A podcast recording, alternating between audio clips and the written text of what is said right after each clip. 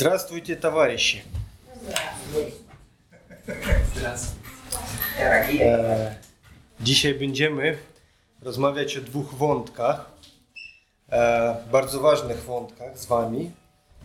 I jeden wątek to miasto, a drugi wątek to właśnie taki sobie towarzysz. Dlaczego i przywitałem Was w taki sposób? Myślę, że to jakiś taki sentyment z przeszłości u niektórych wywołało. Nie wiem, czy pozytywny, ale na pewno jakiś. I dzisiaj zobaczymy dwa ważnych momenty w Pismie Świętym i mam nadzieję, że z tego zrobimy dwie ważne lekcje, e, których nauczymy się od Pana. Tak? I e, poproszę, żebyśmy otworzyli Ewangelię Łukasza, siódmy rozdział. Będziemy czytać e, historię, która zapisana na początku tego rozdziału. Jeden ważny epizod. Ewangelia Łukasza, siódmy rozdział. E, ja wybrałem e, tłumaczenie e, Biblii na polski język, który jest najbardziej nabliżony do tego, z którego korzystam w języku rosyjskim. E, także może być to będzie trochę różniło się od tego, co zwykle czytacie. I tak, Ewangelia Łukasza, siódmy rozdział. A gdy dokończył wszystkich mów swoich przed onym ludem, wszedł do Kapernaum.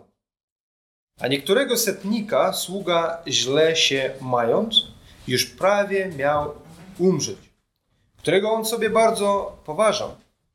Ten, usłyszawszy o Jezusie, posłał do niego starszych z Żydów, prosząc go, aby przyszedł, przyszedłszy uzdrowił sługę jego. A oni, przeszedłszy do Jezusa, prosili go z pilnością, mówiąc: Godzien jest, abyś mu to uczynił, albowiem miłuje naród nasz i on nam burznicę zbudował. A tak Jezus szedł z nimi.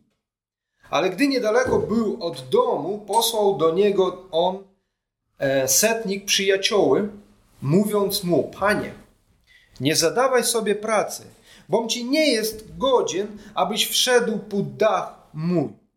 Przetoż i samego siebie nie miałem zagodnego, abym miał przyjść do ciebie. Ale rzecz słowo, a będzie uzdrowiony sługa mój. Bom ci i ja, człowiek pod mocą postawiony, mającym pod sobą żołnierzy, i mówię temu idź, a idzie, a drugiemu przyjść, a przychodzi, a słudze mojemu czyńć to, a czyni. Wtedy usłyszawszy to Jezus, zadziwił mu się i obróciwszy się, rzekł do ludu, który za nim szedł. Powiadam wam, że ani w Izraelu tak wielkiej wiary nie znalazł. A wróciwszy się do domu, ci, którzy byli posłani, znaleźli sługę, którego się źle miał, zdrowego. Amen. Do tego momentu. To w którym momencie jesteśmy? Jezus powiedział e, swoje bardzo znane kazanie na górze.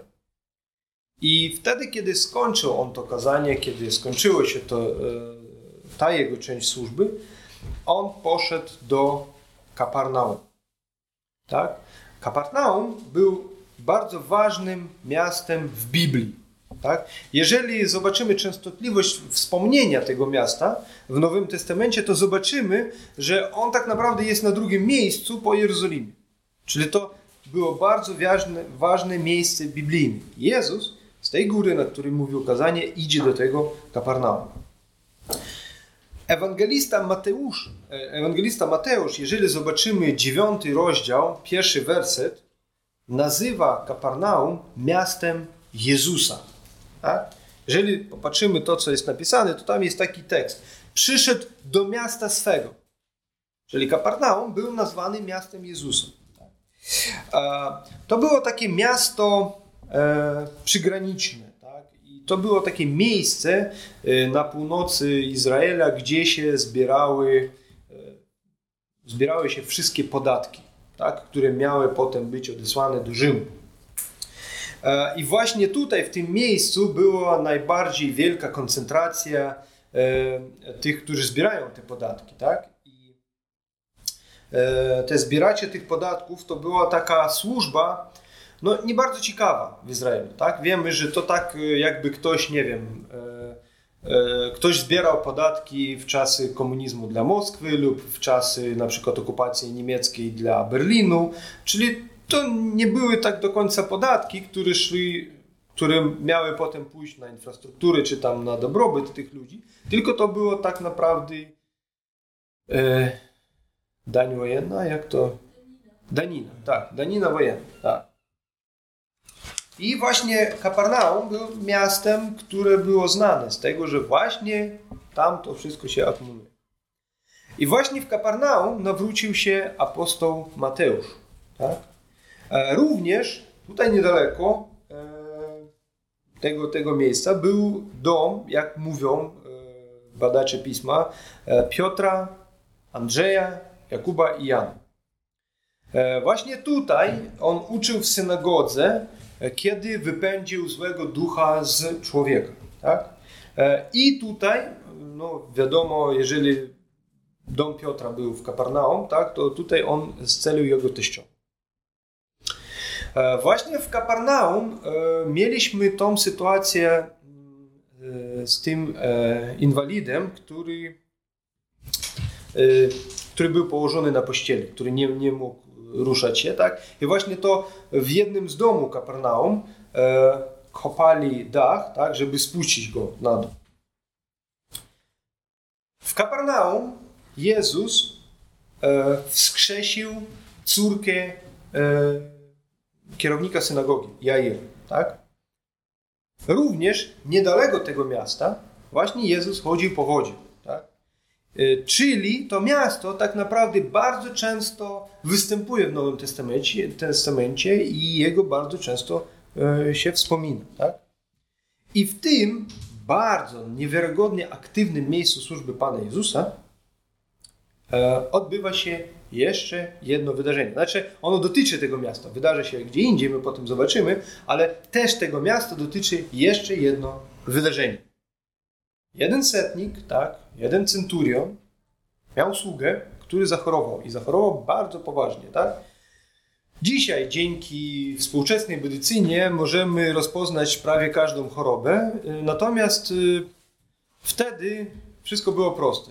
To było albo taka łatwa choroba albo ciężka, tak? I od ciężkiej choroby często się, no tak się trafiało, że się, się umierało, tak? I no, nie wiadomo było od czego, tak? To dzisiaj my wiemy, że to jest taka choroba lub owaka, tak? A wtedy...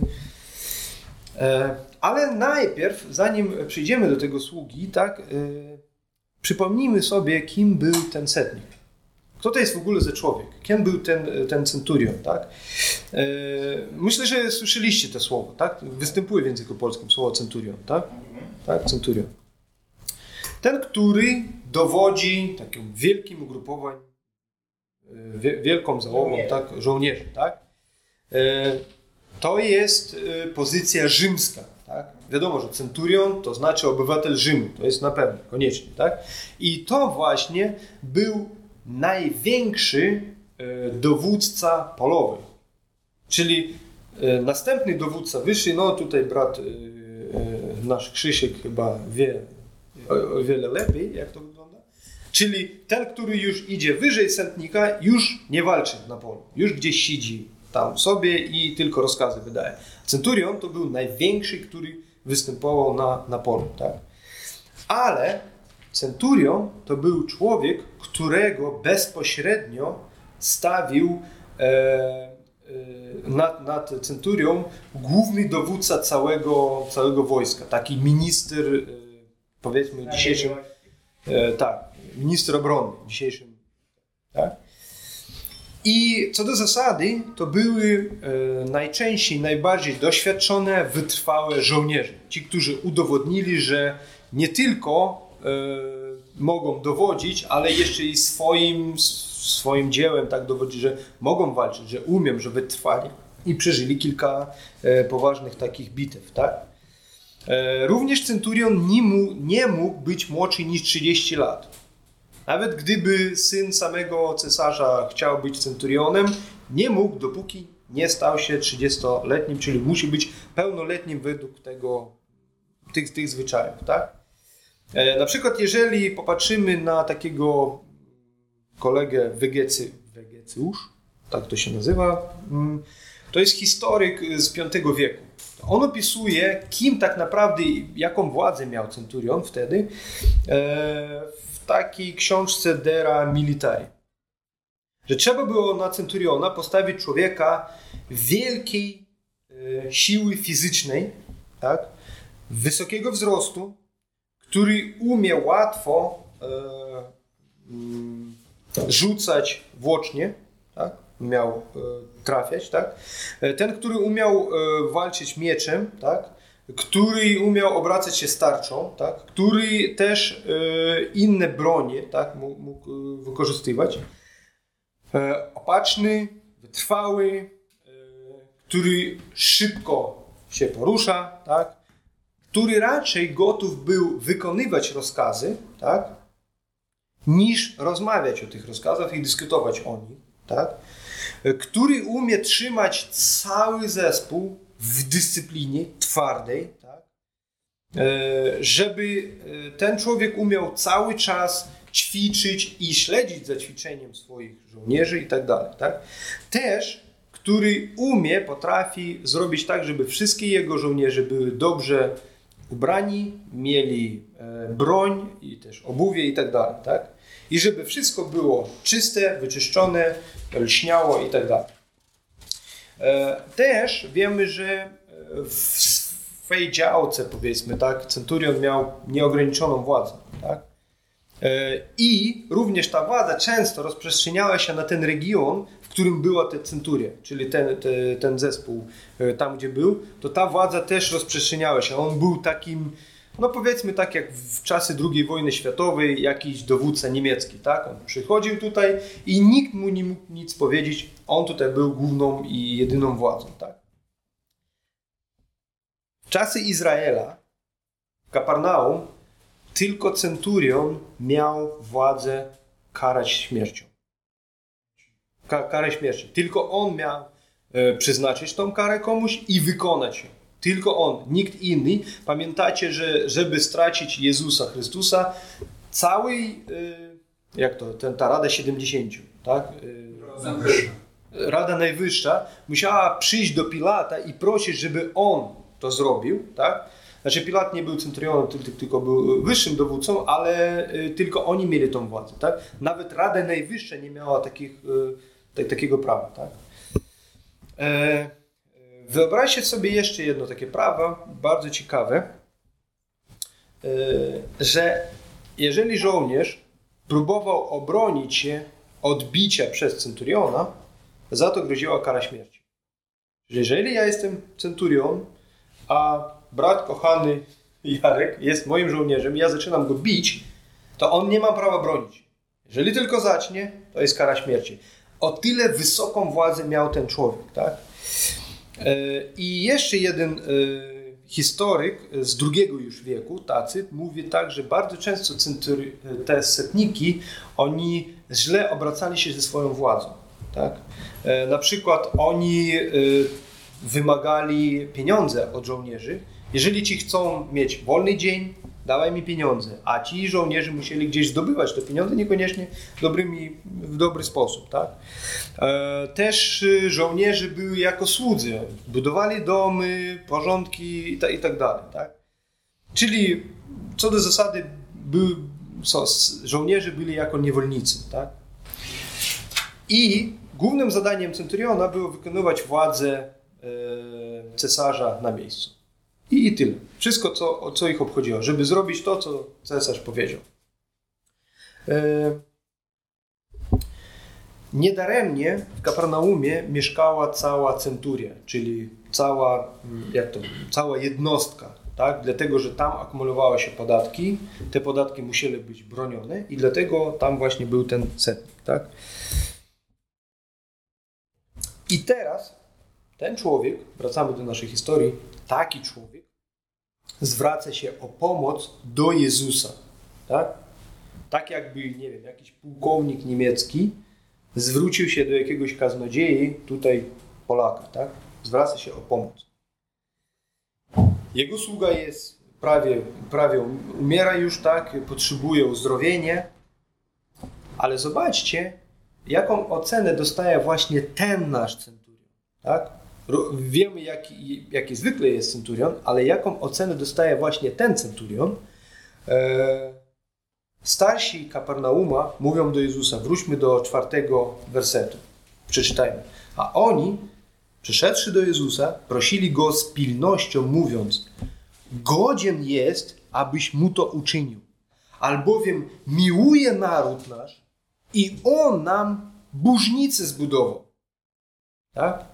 Ci ludzie proszą Jezusa, żeby On mu pomógł, tak?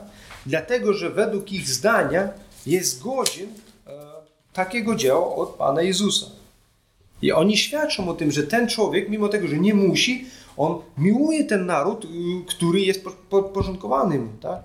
I też y, zbudował im synagogę, tak? Też to jest wielkie przedsięwzięcie, drogie, ale on na to poszedł, dlatego że no, był chyba mądry człowiek i był dobry człowiek, tak? E, też tutaj trzeba powiedzieć, że niedaremnie proszą go starsi, dlatego że wiedzą, jak Jezu, Pan Jezus odnosi się do pogan. Tak? To jest wiadomo. Pamiętacie tą y, kobietę z, Finik, y, z Syrofiniki? Tak, tak. Dziękuję. Pan Jezus porównał ją do psa i powiedział, że nie chce jej pomagać. Tak? I to było bardzo znane. Wiem, że Y, w te czasy każde słowo Jezusa, a szczególnie te niedobre słowa Jezusa, które można inaczej potraktować, rozprzestrzeniały się przez faryzeuszy po prostu jak błyskawice, tak, bardzo szybko. I domyślam się, że te słowa, które on mówi o poganach, powszechnie były znane i wszystkim były przekazywane, szczególnie tym Rzymianom i tak dalej, tak? I tylko ten taki pokor, tylko ta pokorna odpowiedź tej kobiety E, spowodowała to, że dostała to, co prosiła. Tak? I myślę, że ci starsi od Żydów, oni wiedzieli o tym, e, o, o tej ciekawostce, nazwijmy to tak, Jezusa i dlatego oni proszą Go, słuchaj, wiemy jak, e, jaki masz stosunek do Żydów, wiem, że nie jesteś posłany, ale słuchaj, ten człowiek jest godzien, tak? zrób dla niego. I my widzimy, że Pan Jezus się zgadza. On zgadza i idzie do domu tego człowieka. A dalej odbywa się coś, co trudno sobie wyobrazić i trudno nawet przewidzieć, tak? E, jestem pewien, że wtedy, kiedy rozmawiano, była rozmowa między Żydami a Panem Jezusem, obecny był tam jeszcze jeden taki mały żołnierz. I tutaj znów brat Krzysiek chyba potwierdzi, że tak miało być. Że tam miał być obecny jeden żołnierz, którego było jedynym zadaniem, jak tylko usłyszy, co tam się stało, jaka była odpowiedź, szybko biec do kogo? Do dowódcy i powiedzieć. Czyli zanim ci przyjdą z odpowiedzią, żeby on już wiedział, tak? Na pewno wiemy, że tak miało być, tak? I kiedy przybiega ten żołnierz i dopowiada, że Pan Jezus zgodził się i idzie, tak? Ten setnik rozumie, że tak naprawdę jest poganem i nie jest godzien tego, żeby ten święty człowiek, według tych wszystkich zwyczajów żydowskich, żeby wszedł do jego domu. Tak? I on w trybie natychmiastowym próbuje naprawić tą sytuację. On wysyła tak, jeszcze innych ludzi, czyli zanim Jezus z tymi, dowódcami, z tymi Żydami przyszedł do jego domu, on wysyła już innych ludzi, tak? Z jakim zadaniem? Żeby ci powiedzieli, że słuchaj, nie przychodź do mnie do domu, tylko słowo powiedz. Tak? I tego wystarczy. Tak? I też on opowiada taką e, historię o sobie. On mówi, że ja, tak, e, w bardzo roztropny taki sposób używam tak, i korzystam z pomocy swoich żołnierzy, tak, e, żeby wszystko było tak, jak należy i tak dalej. I pan, ten, ten setnik prosi Pana, żeby ten powiedział tylko jedno słowo. Tak? I tego wystarczy. Jego wiara, według jego wiary tego wystarczy, żeby uzdrawiał jego sługa. Zwróćcie uwagę, jeżeli wy popatrzycie na tekst i tam jest wskazane, kogo wysyła ten setnik do Pana Jezusa. Tak? On nie wysyła do Pana Jezusa swych żołnierzy. to żołnierz przybiega, dopowiada mu o tym, co się stało, ale nie wysyła do Pana Jezusa swych żołnierzy. Dlatego, że żołnierzy faktycznie były jego niewolnikami, tak? jego sługami. Nie. On wysyła do Pana Jezusa swych przyjaciół. Tak?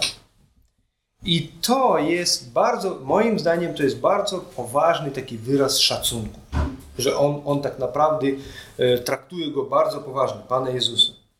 I odpowiedź Jezusa na to, co się stało, kiedy on zbiera te wszystkie fakty w jedno całe, tak, e, też przeraża. Tak? W dziewiątym wersecie my czytamy: Powiadam wam, że ani w Izraelu tak wielkiej wiary nie znalazł. To jest ocena, która Pan Je, którą Pan Jezus daje temu człowiekowi. Czyli wiara tego pogana, poganina, dziękuję. Wiara tego poganina przewyższa wiarę każdego innego Żyda. Trochę więcej szczegółów o tej historii o tym, co tam się wydarzyło, podaje nam apostoł Jan. Otwórzmy czwartą czwarty rozdział e, Ewangelii od Jana i przeczytajmy, co tutaj on e, dodaje. Tak? Czwarty rozdział Ewangelii od Jana, 46 werset i dalej. Jana 4, 46. Wtedy zaś przyszedł Jezus do Kany Galilejskiej, gdzie był uczynił z wody wino. A był niektóry dworzanin królewski, Kapernaum, którego syn chorował. Ten, usłyszawszy, iż Jezus przyszedł z ludźmi z, e, z, judzkiej ziemi do Galilei, szedł do niego i prosił go, aby stąpił, a uzdrowił syna jego, bo poczynał umierać. I rzekł do niego Jezus, jeź, e, jeśli nie ujrzycie znamion i cudów, nie uwierzycie. Rzekł mu królewski dworzanin, Panie, Stąp pierwej niż umrze dziecko moje. Rzekł mu Jezus, idź syn twój żyje. I uwierzył on, człowiek, mówię, którą mu powiedział Jezus. I poszedł. A gdy już szedł, e, zabierzeli mu słudzy jego i oznajmili, mówiąc, dziecię twoje żyje. Wtedy ich pytał o godzinę, w którą by się lepiej miało. I rzekli mu, że wczoraj o siódmej godzinie opuściła go gorączka. Poznał tedy ojciec, iż to ona godzina była, której mu był rzekł Jezus. Iż syn twój żyje. I uwierzył sam i wszystek dom jego. Ten ci zaś, który cud uczynił Jezus, przyszedłszy z judzkiej ziemi do Galilei. Amen. Apostoł Jan wskazuje nam na ważne szczegóły dotyczący tej historii. E, chciałem, chciałem przypomnieć tutaj, że według prawie wszystkich badaczy Pisma Świętego e, jest tak, że apostoł Jan pisał swoją Ewangelię ostatnio. Czyli to była ostatnia napisana Ewangelia i większość e, zgadza się na tym, że apostoł Jan wiedział i zapoznał się wcześniej z tekstami wszystkich Ewangelii synoptycznych. Ale napisał inne Ewangelie. E, albo dopełniając jakieś historie, albo pisząc to, co nie było e, tam napisane i szczególnie rozpisując to, co się wydarzyło w ostatni tydzień. Tak? On skupia się właśnie na tym ostatnim tygodniu. Dlatego apostoł Jan, nawet kiedy pisze o jakichś historiach, które już są opisane w innych Ewangeliach, zawsze pisze pod innym kątem, żeby dodawać jakieś szczegóły. I pierwsze, co on tutaj pisze, że ten dialog, ten dialog, o którym my mówimy, mówimy odbył się nie w Kaparnaum. Tak? Ta rozmowa o słudze odbywa się w Kanie Galilejskiej. Tak? Czyli tak naprawdę, gdyby pomyśleć, że ten człowiek był w Kaparnaum, ale to trochę nie tak, tak? to ten żołnierz musiałby przebiec 30 km, żeby powiedzieć mu o tym, co się stało. Tak? Ale ten żołnierz nie musiał biec do Kaparnaum. Tutaj my widzimy, że ten człowiek, ten centurion przyszedł do Kany. Czyli on też był w Kanie, też chyba miał tam jakiś swój domek czy swoje miejsce. Tak? To sługa był w Kaparnaum. A ten, ten centurion przyszedł do Kany i wysyłał ludzi z Kany do Jezusa, czyli to wszystko odbywało się e, w jednym mieście. Tak? I dlatego bardzo szybko dowiaduje się o tym, że Jezus zgadza się iść i uzdrawiać jego syna. I właśnie teraz nam lepiej jest zrozumiałe, dlaczego on nie chce, żeby Jezus szedł z, całego, z całej Kany do Kaparną te 30 kilometrów, żeby on szedł, jeżeli tutaj na miejscu można wszystko załatwić. Drugi moment, na który wskazuje apostoł Jan, że chodzi nie o jakiegoś tam sługę, że chodzi nie o jakiegoś tam dobrego, fajnego człowieka, który dobrze tam sobie, nie wiem, sprawuje się. Nie. Apostoł Jan nazywa tutaj tego setnika, tak, nie setnikiem, nie centurionem, tak, a dworzanin królewski. Nie wiem, jak trochę w współczesnych tekstach, tak, ale nazywa się taką osobą, wiecie, szlachetną. Tak, że, że to jest człowiek takiej e, niebies, niebieskiej krwi, tak? A sługę nazywa jego synem. E, raczej tutaj chodzi nie o synu takim, wiecie, prawdziwym, prawomocnym, a raczej e, chodzi albo o synie, którego adoptowano, tak? Często tak było, że jakie, jakieś dziecko centurion mógł adoptować i wychowywać jako swego syna, albo to mógł być jego realny syn, który był narodzony poza oficjalnym ślubem, tak? Czyli ta, taki, y, jak to, bajstruk? Nieformalny związek. Tak, nie, nie, nie, z nieformalnego związku. I bardzo często coś takiego odbywało się u żołnierzy e, w koloniach rzymskich, tak? I dlatego my teraz też lepiej e, rozumiemy jego takie wielkie zainteresowanie i zaangażowanie w tę sytuację. Tak? Chcę powiedzieć Wam, że Pan Bóg bardzo często pracuje poprzez okoliczności. I szczególnie poprzez te trudne okoliczności, które my spotykamy. Jest jakaś choroba, jakaś śmierć, jakieś poważne problemy, bardzo często to jest to miejsce, w którym Pan Bóg zaczyna pracować. Szczególnie kiedy chodzi o takich twardych ludzi, o takich poważnych ludzi, którzy mają władzę, którzy mają moc, potęgę, jak ten setnik. Bardzo często możemy popatrzeć sobie na jakiegoś człowieka, widzimy go, że jest bogaty, silny, wpływowy, tak? ma władzę, ma doświadczenie jakieś, wykształcenie. Patrzysz na niego i myślisz sobie, co mogę mu powiedzieć? Jak mogę w ogóle wejść z nim w jakiś kontakt, tak? Bo jest taki wielki, ja jestem taki mały. Bo on patrzy na mnie jak na jakieś zwierzęta, tak? I wyobraźcie sobie, w jaki sposób mógł patrzeć na Pana Jezusa, na tego wędrownego kaznodzieja, kim on był, jakiś normalny centurion, tak? No gdzie jakiś wędrowny kaznodzieja, gdzie centurion, tak? Ale Pan Bóg do każdego człowieka ma swoje podejście. Do każdego, ja w to wierzę, że Pan Bóg ma do każdego człowieka swoje podejście. I to jest jeden z elementów wiary jeżeli ty wierzysz w to, że Pan Bóg potrafi wskrzesić z martwych, tak? Jeżeli wierzysz, że Pan Bóg jest w stanie wybaczyć tobie wszystko, absolutnie wszystko, co narobiłeś w swoim życiu, to na pewno Pan Bóg potrafi dać sobie radę z jakimkolwiek silnym człowiekiem, który mieszka obok ciebie, czy tam znajduje się obok nie, ma, nie miej żadnych wątpliwości. Pan Bóg potrafi. I tutaj my widzimy, że Pan Bóg ma swój sposób. Jeden pastor kiedyś opowiedział mi historię o, o swym teściu.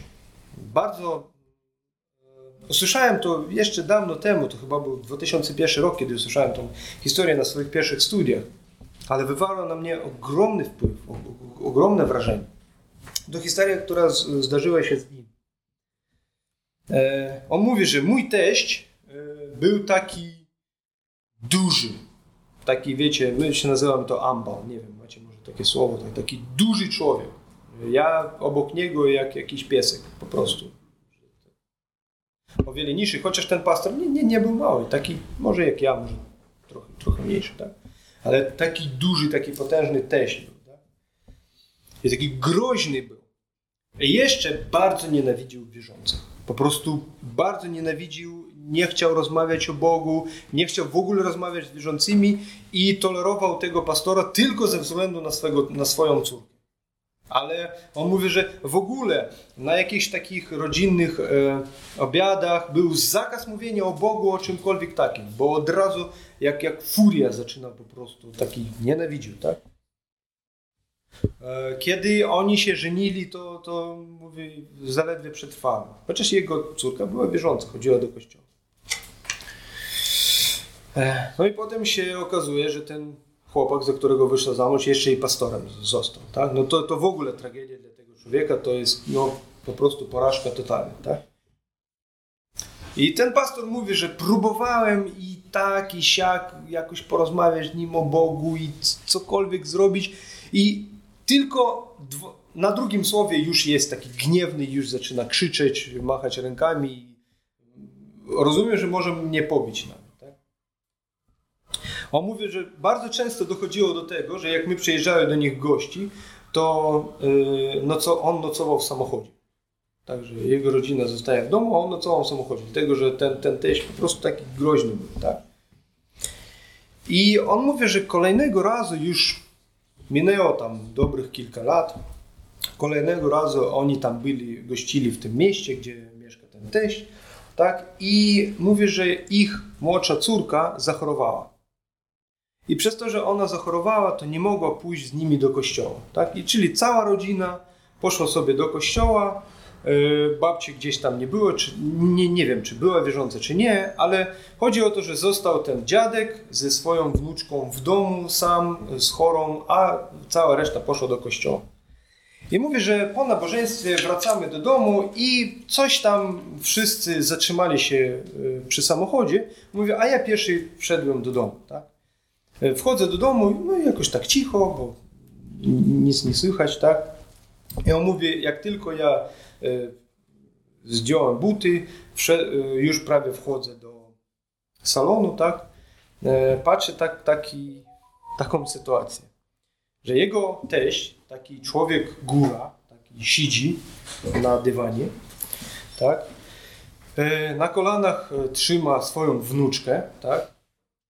Ta wnuczka w swoich rękach trzyma dziecięcą Biblię, tak? I ten dziadek tą Biblię dla niej czyta. Doczytuje do końca akapitu e, i już chce zamknąć, ale wnuczka mówi, ale nie, dziadku, no teraz tłumacz.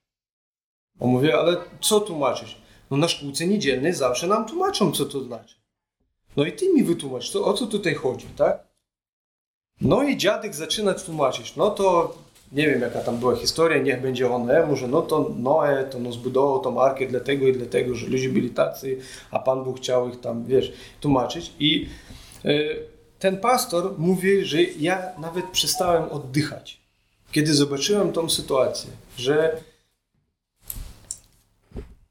ten groźny człowiek, ten człowiek góra, siedzi i taka mała dziewczynka po prostu robi to, co on nie mógł potrafić zrobić przez tyle lat.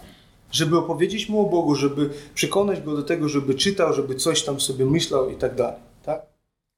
I ten pastor mówi, że w ten czas prawie zaczął płakać i zaczął dziękować Bogu za to, co widział. Tak? Otwórzmy 1 Koryntian, pierwszy rozdział. 1 Koryntian, pierwszy rozdział i przeczytajmy z 26 wersetu.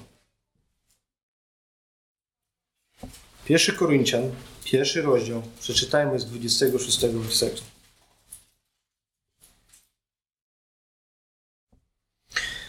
Widzicie zaiste powołanie wasze bracia, iż niewiele mądrych według ciała, niewiele może, niewiele zacnego rodu ale co głupiego jest u świata tego, to wybrał Bóg, aby zawstydził mądrych. A co mdłego u świata wybrał Bóg, aby zawstydził mocnych. A podłego rodu u świata i wzgardzone wybrał Bóg, owszem, te rzeczy, których nie masz, aby te, które są z niczym, aby się nie chlubiło żadne ciało przed obliczem Jego. Amen. Musimy zdawać sobie sprawę, musimy rozumieć, że Pan Bóg bardzo często pracuje w ten sposób. Bierze coś słabe, bierze coś niegodne, bierze coś niemądre, coś takie, takie przyniżone. I tym słabym przełamuje cały świat. Zmienia go. To jest charakter Boga, że kilka małych ludzi mogą zmienić wszystko. Mogą zwyciężyć wszystkich największych i tak dalej. Wiemy to od czasu Dawida i Goliata, to, to się nie zmienia. To jest charakter Boży, kiedy On bierze słabych ludzi, małą grupę ludzi i zmienia wszystko. Przed nami mamy jeszcze jednego giganta. Mamy tego centuriona. Tak, cały centurion. Bardzo mocny, bardzo potężny wujek, tak? Który potrafi przyjść do innego miasta, przyjść do władz tego miasta i prosić, żeby w jego imieniu poszli i coś robili. Taki mocny, taki potężny. Przed nami ten, który ma ogromną ilość żołnierzy, władzy i tak dalej. Mateusza 8:9 o tym mówi. Ci i ja człowiek pod mocą innego, mający pod sobą żołnierze i mówię temu idź, a idzie, i drugiemu przyjdź, a przychodzi, a słudze memu czyń to, a czyni.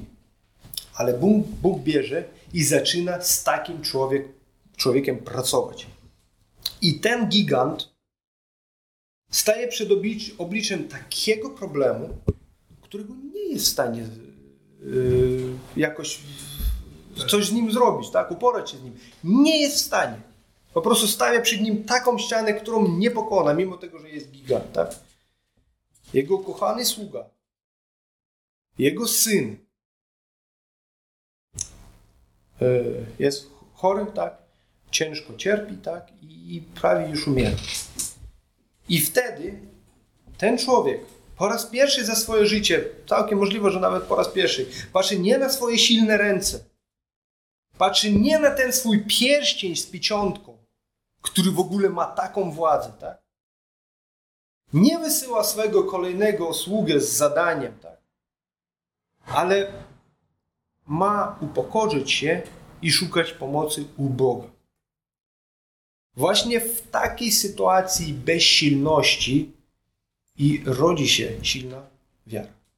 Właśnie to jest ten moment, to jest ten grunt, kiedy ta wiara się rodzi. Kiedy okoliczności jako czołg po prostu zgniotują ciebie całkowicie. Kiedy ty opuszczasz swoje ręce w bezsilności, tak? wtedy zaczynasz podnosić swoje oczy ku niemu i szukać pomocy u Boga. W tej historii Mateusz też z kolei dodaje jeszcze jedno, jeden ważny szczegół. Zobaczmy Mateusza 8, 10, 12. 8, 9, 10, 12, tak?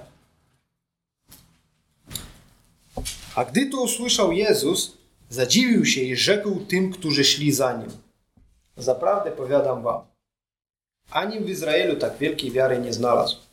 A powiadam wam, iż wiele ich od wschodu i do zachodu słońca przyjdzie, a usiadą za stołem z Abrahamem i z Isaakiem i z Jakubem w Królestwie Niebieskim. Ale synowie Królestwa będą wyrzuceni w ciemności zewnętrznej. Tam będzie płacz i zgrzytanie zębów. Ta historia uczy nas bardzo, poważnej, bardzo poważnej lekcji wiary. Wierzący to nie ten, który wierzący według swego pochodzenia. Wierzący to nie ten, który wierzący dzięki swemu doświadczeniu. Wierzący nawet nie zawsze ci, którzy uważają siebie za synów królestwa. Nie. On mówi, że przyjdą, przyjdzie wiele osób ze wschodu, z zachodu, czyli przyjdzie wiele pogan, tak? Ci, którzy w ogóle nie mają żadnych korzeni jakichś duchowych i tak dalej, przyjdą. I to właśnie ci, którzy przyjdą, będą rozkoszować się tą wiecznością z Panem. A wielu tych, którzy uważają siebie, albo które nawet są synami królestwa, pójdą do ciemności tej wiecznej. To jest bardzo ważna myśl, którą chcę, chcę powiedzieć i powtórzę ją jeszcze raz. Ty trafiasz do nieba nie dzięki swoim zasługom. Nie dzięki swojemu doświadczeniu, nie dzięki swojemu jak, jak, cokolwiek swemu. Nie. Ty trafiasz do nieba tylko wtedy, kiedy w tobie cały czas rośnie, rośnie i ukrzepia się wiara. To jest warunek. I ten nasz fragment pisma jest bardzo wyraźnym dowodem tego. I właśnie niedaremnie y, tyle czasu przydzieliliśmy tym dwóm rzeczom, tak? Bardzo szczegółowo skupiliśmy się na Kaparnaum, jako na mieście, tak? I też dużo czasu spędziliśmy rozważając nad tym, kim jest centurion, tak? Te dwie rzeczy, tak? I zobaczcie, co mówi Pan Jezus o setnikowie. Mateusza 8:10. A gdy usłyszał Jezus, zadziwił się i rzekł tym, którzy szli za nim: Zaprawdę powiadam wam, ani w Izraelu tak wielkiej wiary nie znalazł. Czyli to jest najwyższa ocena, którą kiedykolwiek ktokolwiek może otrzymać od Pana Boga. Ten człowiek dostaje najwyższą ocenę, która jest możliwa. A teraz zobaczmy, jaką ocenę Pan Bóg daje miastu Kaparnaum. Przejdźmy trochę dalej, otwórzmy 11 rozdział Mateusza. Mateusza 11 rozdział od 23 wersetu. Ja przeczytałem. Mateusza 11, 23 i dalej. A ty, Kapernaum, któreś aż do nieba wywyższone, aż do piekła strącone będziesz. Bo gdyby się były w Sodomie te cuda działy, które się działy w tobie, zostałaby była aż do dnia dzisiejszego. Nawet powiadam wam, iż lżej będzie ziemi sodomskiej w dzień sądu, sądny, nieżeli tobie. Wszystkie te uzdrowienia, wszystkie te cuda, wskrzeszenie i tak dalej, wszystko co się działo. Nawet to, że to miasto zostało nazwane miastem Jezusa. I jako rezultat Ocena temu miastu wieczne potrącenie. Do piekła strącone. Będzie lepiej ziemi sodomskiej w dzień sądy, niżeli to. To jest coś niewiarygodne. Coś, co jest nie do pomyślenia. Bardzo straszne. To, co wyzywa lęk we mnie, ale bardzo, bardzo nauczające.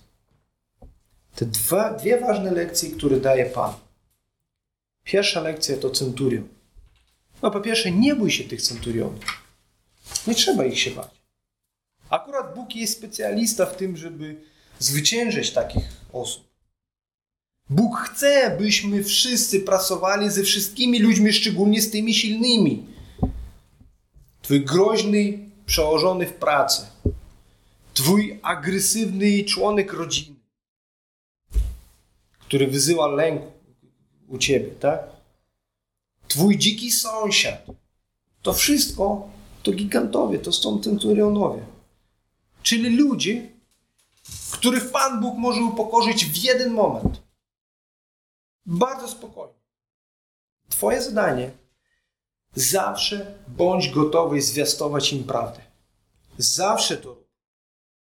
Śmiało rób to. Rób to, czyń to cały czas. Nie bój się ludzi. Mów do nich, rozmawiaj z nimi. Dlatego, że to nie ty będziesz pracował, a Bóg przez ciebie. A też przez tego właśnie giganta naucz się, co to znaczy być człowiekiem prawdziwej wiary. Tej wiary, która dostaje najwyższą ocenę. Tą, którą chce Bóg. Żebyś w każdej sytuacji opuszczał ręce, opuściałeś ręce i podnosiłeś się, podnosiłeś oczy. Takiej wiary chcę. I druga lekcja. Pracuj nad swoją wiarą. Wzmacniaj ją. Proś Boga, żeby pomógł Ci robić to. Bo całkiem możliwe, że jeżeli nie ma w Tobie wiary, jeżeli nie pracujesz nad nią, to cała praca, którą Bóg czyni w Tobie, wszystko, co Bóg zrobił dla Ciebie, może być po prostu zakreślone, jeżeli nie masz wiary. Jeżeli Ty nie jesteś gotów iść za Bogiem, jeżeli nie jesteś gotów zaufać Mu całe, całe swoje życie, to nawet po wielu, wielu latach kościelnego życia możesz zostać z ujemnym balansem. Pamiętaj o tym i rozwijaj swoją wiarę. Ćwicz swoje, swoje zaufanie Bogu. Szukaj Go codziennie. Pamiętaj o Kapernaumie i nie rób tych samych błędów. Amen.